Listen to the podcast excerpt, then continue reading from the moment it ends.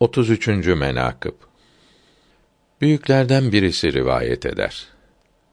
Kâbe-i Şerif'i tavaf ederken bir ama gördüm. Hem tavaf ediyor ve hem de Ya Rab, bilirim ki günahım affolunmaz diyordu. Ben de ona böyle bir yerde böyle söz söylenir mi dedim. O da